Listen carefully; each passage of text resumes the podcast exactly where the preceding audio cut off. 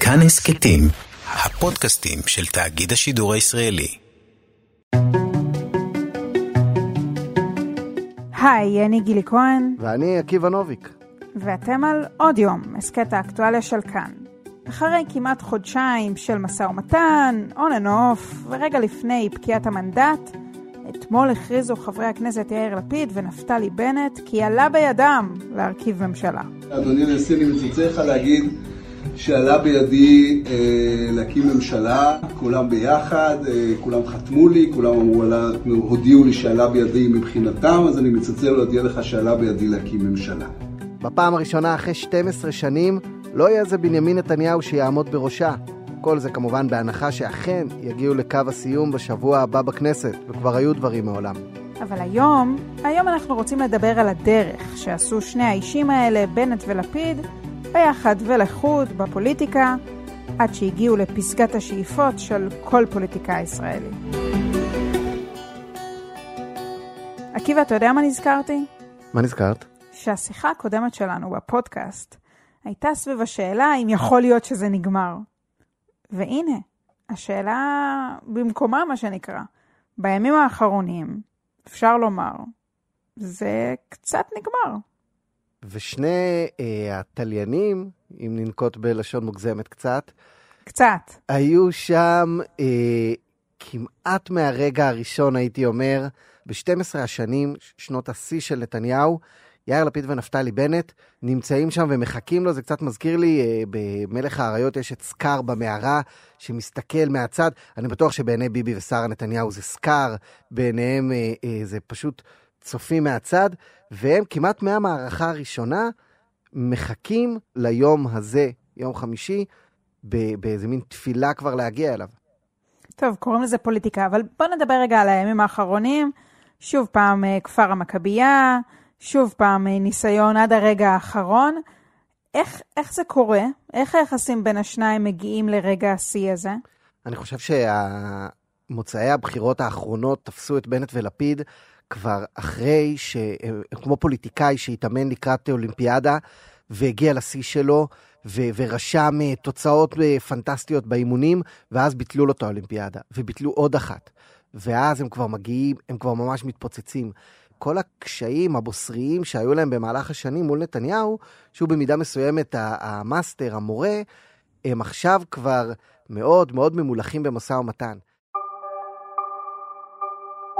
זה התחיל מממש בוקר אחרי הבחירות, פתאום נפתלי בנט נעלם, לא עונה לטלפון, אה, הוא כאילו לא במשחק, ואז באינסטגרם שלו צצה איזו תמונה אה, במצדה עם המשפחה.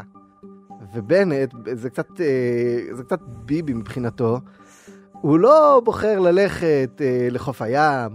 הוא למצדה. לא, הוא לא מעלה תמונה מהקפה, הוא לא סתם, אה, את יודעת, אינסטגרם, יושבים בבית, שבתינג. הוא נמצא במצדה, כאילו, הוא מתחיל הכי חזק שלו, הוא מתחיל 70 לספירה. ו... ומה שהכי מצחיק, אגב, עקיבא, זה שממצדה הוא עשה את כל הדרך כשסיים את טיולו במצדה, אה, בדרך עוצרים אצל אה, יאיר לפיד. אצל החבר, ונתניהו חושד שכל הזמן הזה הם היו ממש מתואמים. הוא מאשים את בנט בחוסר מוטיבציה מולו ובמוטיבציית יתר מול לפיד, כי לבנט יש טמפרמנט של אה, רשג"ד. של קומונר קוראים לזה אצלנו בבני עקיבא, והוא יודע להתלהב כשהוא רוצה, הוא יודע לתת גז, הוא יודע באמצע הלילה להפוך כל אבן, ובחודשיים האלה מצד אחד אומר לנתניהו, בוא תקים ממשלה, אני איתך. הנה סדר הדברים מבחינתי. בעדיפות ראשונה, להקים ממשלת ימין. נתניהו, יש לך אותנו, לך תקים ממשלה. אם בליכוד בכל זאת ייכשלו במשימה, אז בעדיפות שנייה, אני אפעל להקים ממשלת אחדות לאומית. אבל נתניהו מרגיש שהוא בשביתה איטלקית. שהוא אומר לו, תעבוד אתה, אני איתך. ומול לפיד הוא רואה איך, בימים האחרונים ראינו בכפר המכבייה, ו- ובנט אה, נושא נאומים, ופתאום מאשים את נתניהו שהוא על מצדה, הוא גורר את מדינת ישראל למצדה, כלומר, המצדה שהופיעה למחרת הבחירות, כנראה מתבשלת בראש של, אה, של בנט. הוא רוצה לקחת איתו את המחנה הלאומי כולו, את המדינה כולה, למצדה הפרטית שלו. ומתנהלים בחודשיים האחרונים כמו שנתניהו היה מתנהל. זאת אחת הביקורות המרכזיות שמושמעת כלפיהם, אתם לא מספיק ביבי. ביבי כבר היה אה, מכסח אתכם, ביבי כבר היה רץ להקים ממשלה עם רע"מ, ביבי כבר היה...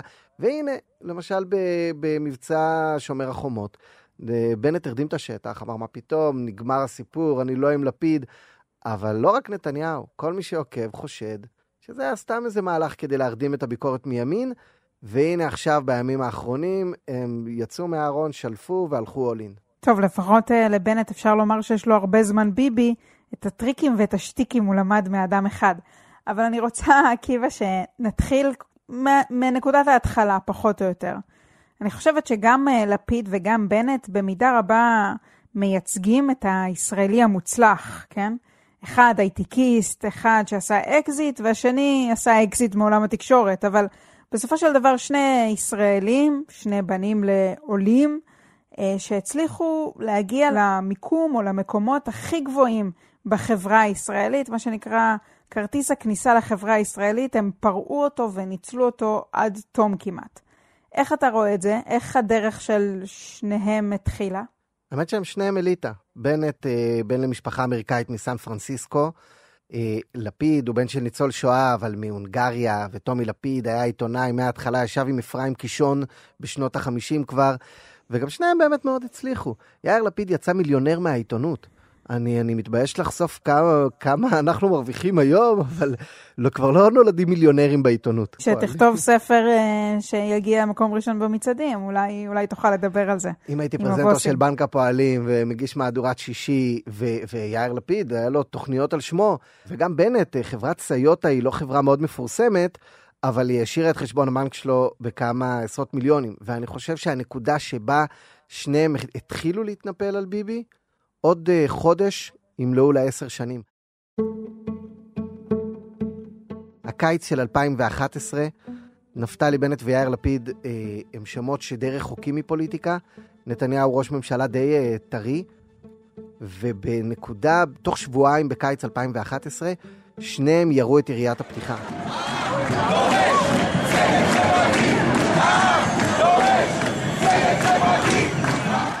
ב-20 ביולי 2011 הופיע אה, בידיעות אחרונות מאמר בשם מרד העבדים, שיא המחאה החברתית.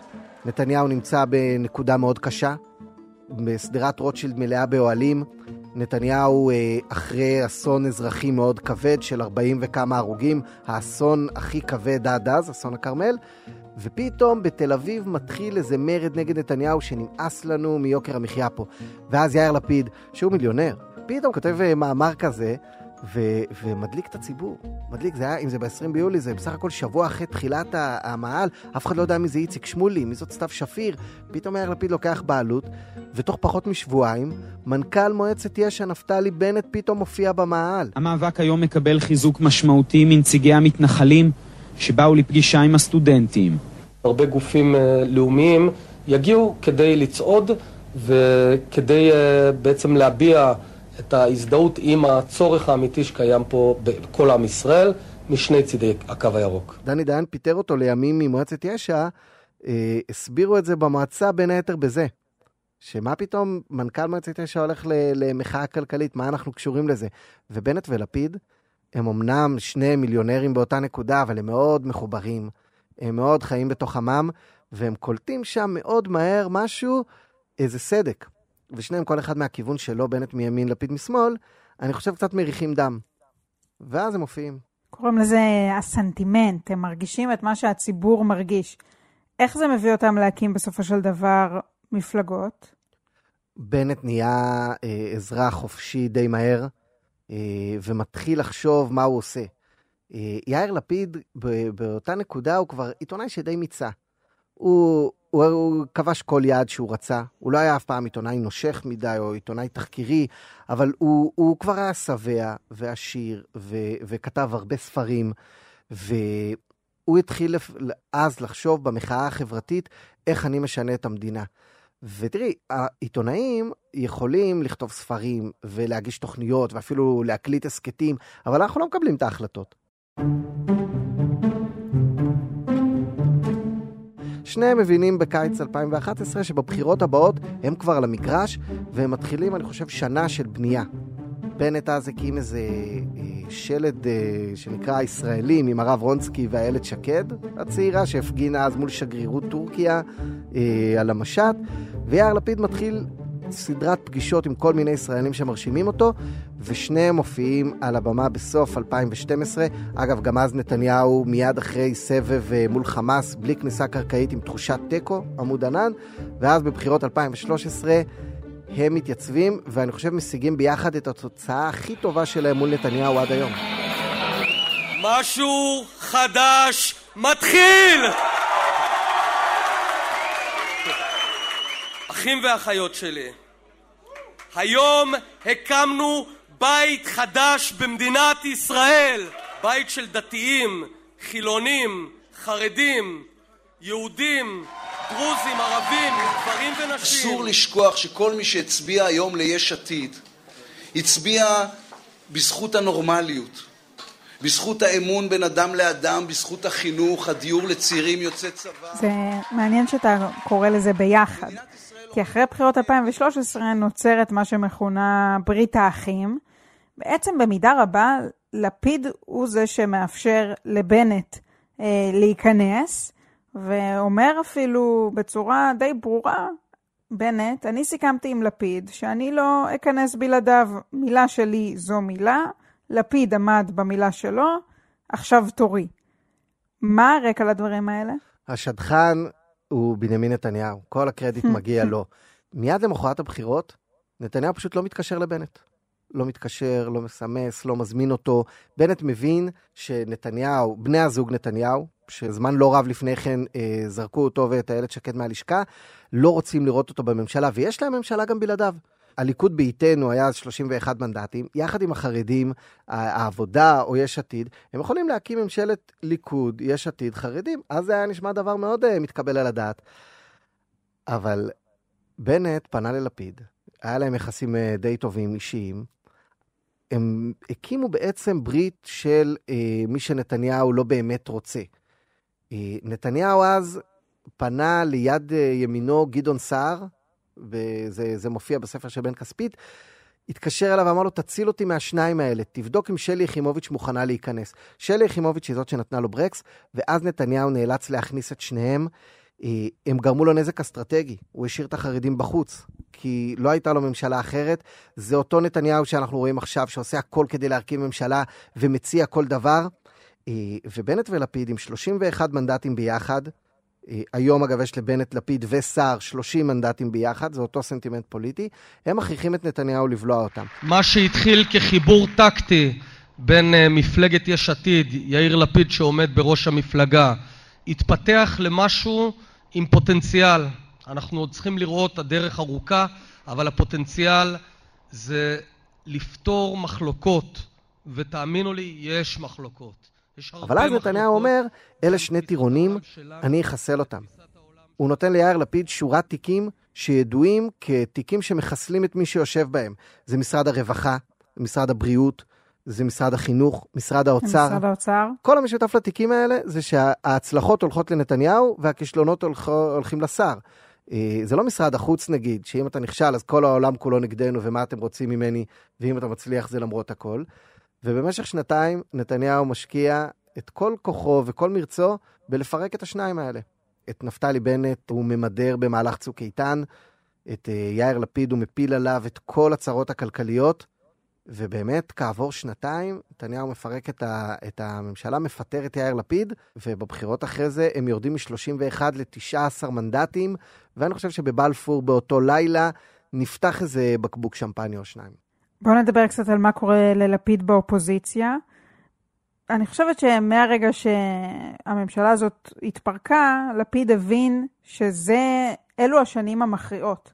אלו השנים שבהם הוא צריך לבסס את עצמו באמת כקנדידט אפשרי לראשות הממשלה, והדרך, מתברר, עוברת דרך האופוזיציה. יאיר לפיד בעצם צריך uh, לשבור לעצמו תדמית שהוא בנה במשך הרבה מאוד שנים. הוא מספר סיפורים מעולה, הוא חברמן, הוא מגיש מעולה, ונתניהו הצליח למקסם לו את התדמית הזאת, ואמר, יאיר לפיד הוא פרזנטור, יש לו ג'ל בשיער. אני לא חושב שיאיר לפיד שם ג'ל בשיער בעשר שנים האחרונות, אבל יש הרבה מאוד ישראלים שמדמיינים את יאיר לפיד עם ג'ל בשיער, מדמיינים אותו עם שיער שחור. יאיר לפיד של השיער הלבן זה אדם אחר מיאיר לפיד השחור. הוא גם אגב גידל זקן, אם את זוכרת.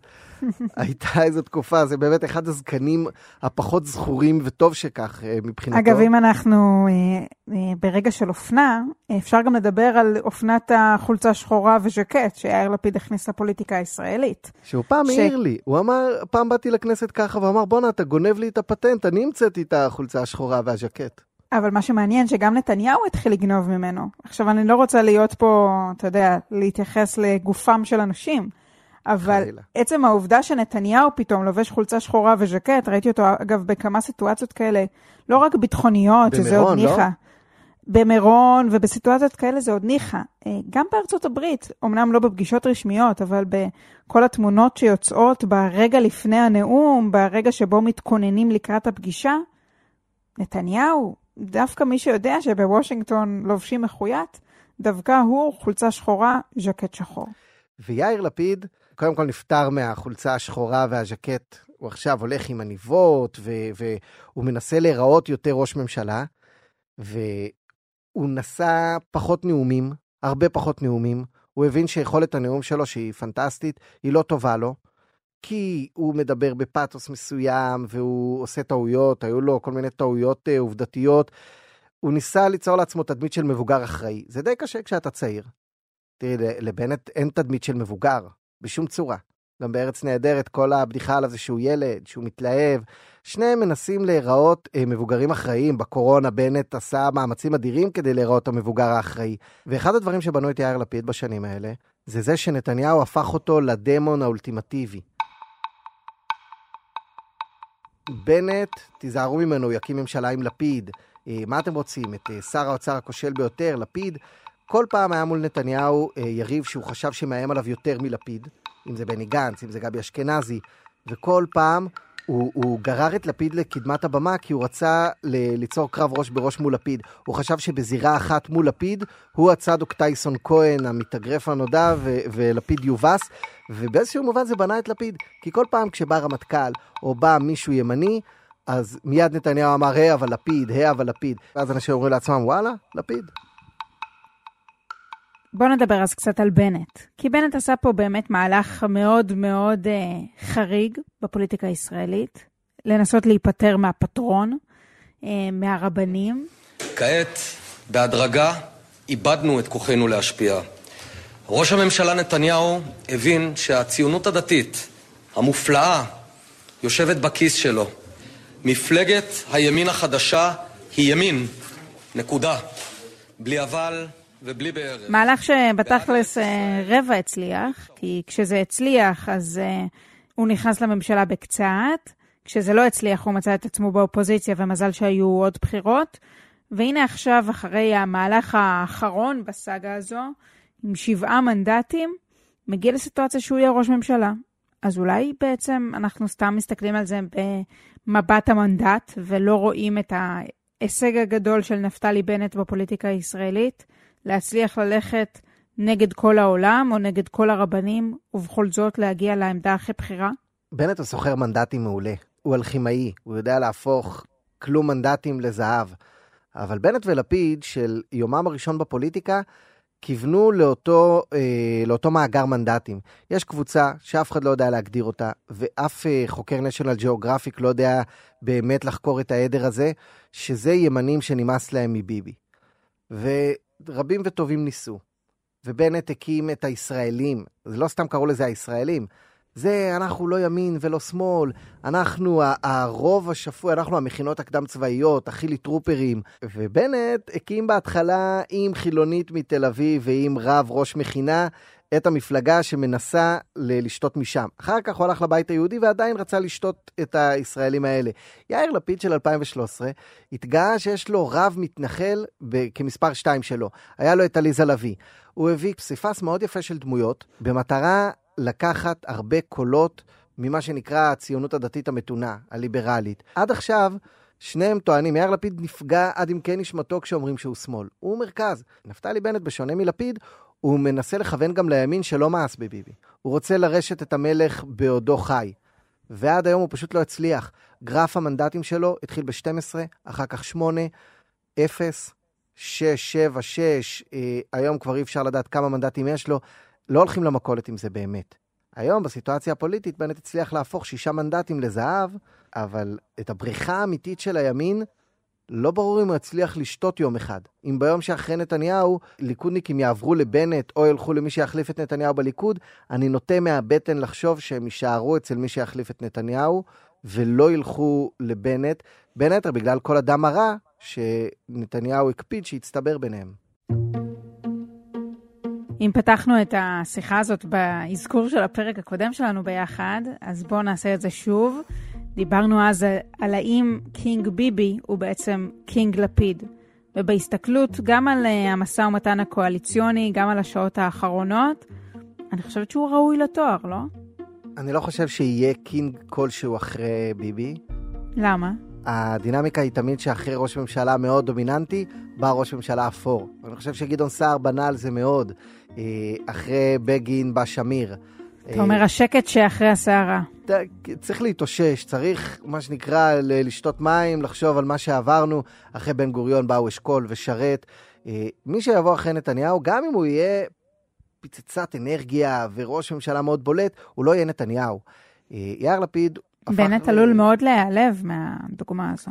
אני חושב שגם הוא בתוך ליבו מבין שהוא לא ביבי. הוא דומה לו, ב... הוא הכי דומה לו בתכונות, מבטא אמריקאי ומחובר לעשירי יהדות העולם, ויש לו יחסים מורכבים עם האליטה השמאלנית, אבל הוא לא נתניהו, וגם לפיד לא נתניהו. אגב, אה, בנט, אני חושב, הוא, הוא הכי דומה לנתניהו בלהיות מנהיג ימני שבא מתוך האליטה ומנסה להנהיג את uh, דלת העם הימנית. לפיד הכי דומה לו בלשון. לפיד הוא הנואם מספר 2 אחרי נתניהו. זה לא, זאת לא טבלה רגילה, נתניהו מקומות 1 עד 5, ואז כל היתר. אבל אני חושב שהיחיד ש... שנותן fight לנתניהו בנאומים, או שזוכרים משהו שהוא אומר, אה, זה לפיד. לפיד נואם טוב. אם נזכור, חמש שנים היה לנו פה את בוז'י הרצוג, אנחנו לא זוכרים מילה אחת שהוא אמר לנתניהו. לא, אנחנו זוכרים. שהוא ישמור את נתניהו מאוחדת. בדיוק, בדיוק. ויאיר לפיד עם המנותק וכל מיני כאלה, יאיר לפיד הוא נואם טוב. איפה הכסף? אה, אבל הוא לא ביבי. הוויקי ציטוט של יאיר לפיד דל מאוד לעומת ביבי, ועדיין... טוב, חכה, חכה, חכה, לנתניהו יש בכל זאת כמה שנים בראשות הממשלה, דיברנו על זה גם. הד... העובדה שאתה נמצא בפוזיציה הזו, בכיסא הזה, גם הופכת אותך למי שאתה. נתניהו לא התחיל נתניהו, הוא התחיל סגן שר ושגריר, כן? בדיוק, רומא לא נבנתה ביום אחד, ואי אפשר להשוות את יאיר לפיד לנתניהו של היום. צריך להשוות את יאיר לפיד לנתניהו של 96, 97. לנתניהו אז לא היו ביביסטים. לא היו לו אה, כלי תקשורת ועיתונאים שממש מגויסים להצלחתו. זו, זה אחת החולשות הגדולות שלו. אין היום לפידיסטים. אני מכיר אחד, הדר סגל. הדר סגל. בדיוק. אין מסה גדולה, אין אה, תופעה סוציולוגית שרשומה על שמו, אין כעס של אנשי לפיד על בגידת ציבורים מסוימים בוא, בוא, אני אכיר לך בהם. את הבורגנות הישראלית, כן? יש, יש אנשים שנוהרים מאחריו. בעיקר במקומות אה, שבעים, בעיקר במקומות בורגניים, אבל יש אנשים שנוהרים אחריו, שאוהבים אותו, שהולכים איתו, יש לו קהל. הוא אולי לא בטוויטר והוא לא קולני כמו הביביסטים, אבל יש, יש לו קהל, עקיבא, תאמין לי. אז אולי אני לא יוצא מספיק מירושלים. ו- יכול ו- להיות, או מהטוויטר. אולי עוד, זה חד משמעית, אבל אולי עוד 12 שנים של uh, כהונת לפיד, אז אני מניח שהוא יהיה קינג לפיד. טוב, רגע לפני סיום בואו אה, ננסה לצפות פני עתיד. איך יראו היחסים בין לפיד ובנט בממשלה? אני חושב שבמישור האישי הם יהיו ביחסים יותר טובים מנתניהו ושריו, נתניהו ושותפיו. במישור האישי הם שני אנשים מאוד מאוד נחמדים. יאיר לפיד, אני חושב, הוא אולי האיש הכי נחמד באחד על אחד. הוא יודע להקסים את בן שיחו. הוא אגב פה מאוד נתניהו, אלוף העולם בשיחות אחד על אחד. אה, גם בנט, בסך הכל, הם מה שקוראים בשפה הרעילה שלנו אה, גברים, כאילו, במובן של הוא גבר. מענץ', מענץ'. כן, הם, הם באמת אנשים של מילה. הם אומרים אחד על השני תמיד, אה, הוא לא רימה אותי מעולם, כשהם מכוונים כמובן למי שרימה אותם שוב ושוב ושוב, הם באמת לא רימו אחד את השני מעולם. הם בערך בני אותו גיל, הם, הם שניהם הרבה יותר יושבים בתוך עמם מנתניהו אה, ומהליכוד. הם התחשלו ב, בשנות אופוזיציה, היחסים ביניהם במישור האישי יהיו טובים. אבל הדינמיקה של ממשלה היא שחייבים לה, להציג הישגים, כי כל הזמן הולכים לעוד בחירות, והישגים באים אחד על חשבון השני. לפיד ישיג הישגים, כנראה שזה יכאב לבנט. איזה הישגים יש שלא באים אחד על חשבון השני? מה, פיוס בעם, אה, איחוד השורות, לא הולכים עם זה למכולת. הם יצטרכו לבוא עם קבלות, וכשהקבלות שלהם באות אחד על חשבון השני, אז גם האנשים שהם החברים הכי טובים בעולם, יתקשו מאוד להרכיב ממשלת אחדות חזקה ומתפקדת. עקיבא נוביק, תודה רבה לך. תודה לך גילי, ותודה לכם שהאזנתם לפרק של עוד יום שאותו ערך דניאל אופיר, הדר אשתי הייתה בצוות והטכנאי הוא יובל יסוד. אם אהבתם את הפרק או אם יש לכם הערות על מה שאמרנו, אתם מוזמנים או מוזמנות לכתוב בקבוצת הפודקאסטים שלנו, כאן הסכתים. תוכלו לכתוב גם בדף של כאן חדשות בפייסבוק או בחשבון שלי, גילי כהן, בפייסבוק או בטוויטר. עקיבא, אני גם אומרת להם שהם יכולים לכתוב אצלך. בהחלט מוזמנים. אפשר וגם רצוי מאוד לשתף את הפרק עם החברים. ויש לנו עוד הסכתים של כאן חדשות בכל אפליקציית פודקאסטים אה, שתרצו, באתר שלנו, גם בספוטיפיי, באפליקציית רכב החדשה שלנו. גילי, תודה. תודה, עקיבא.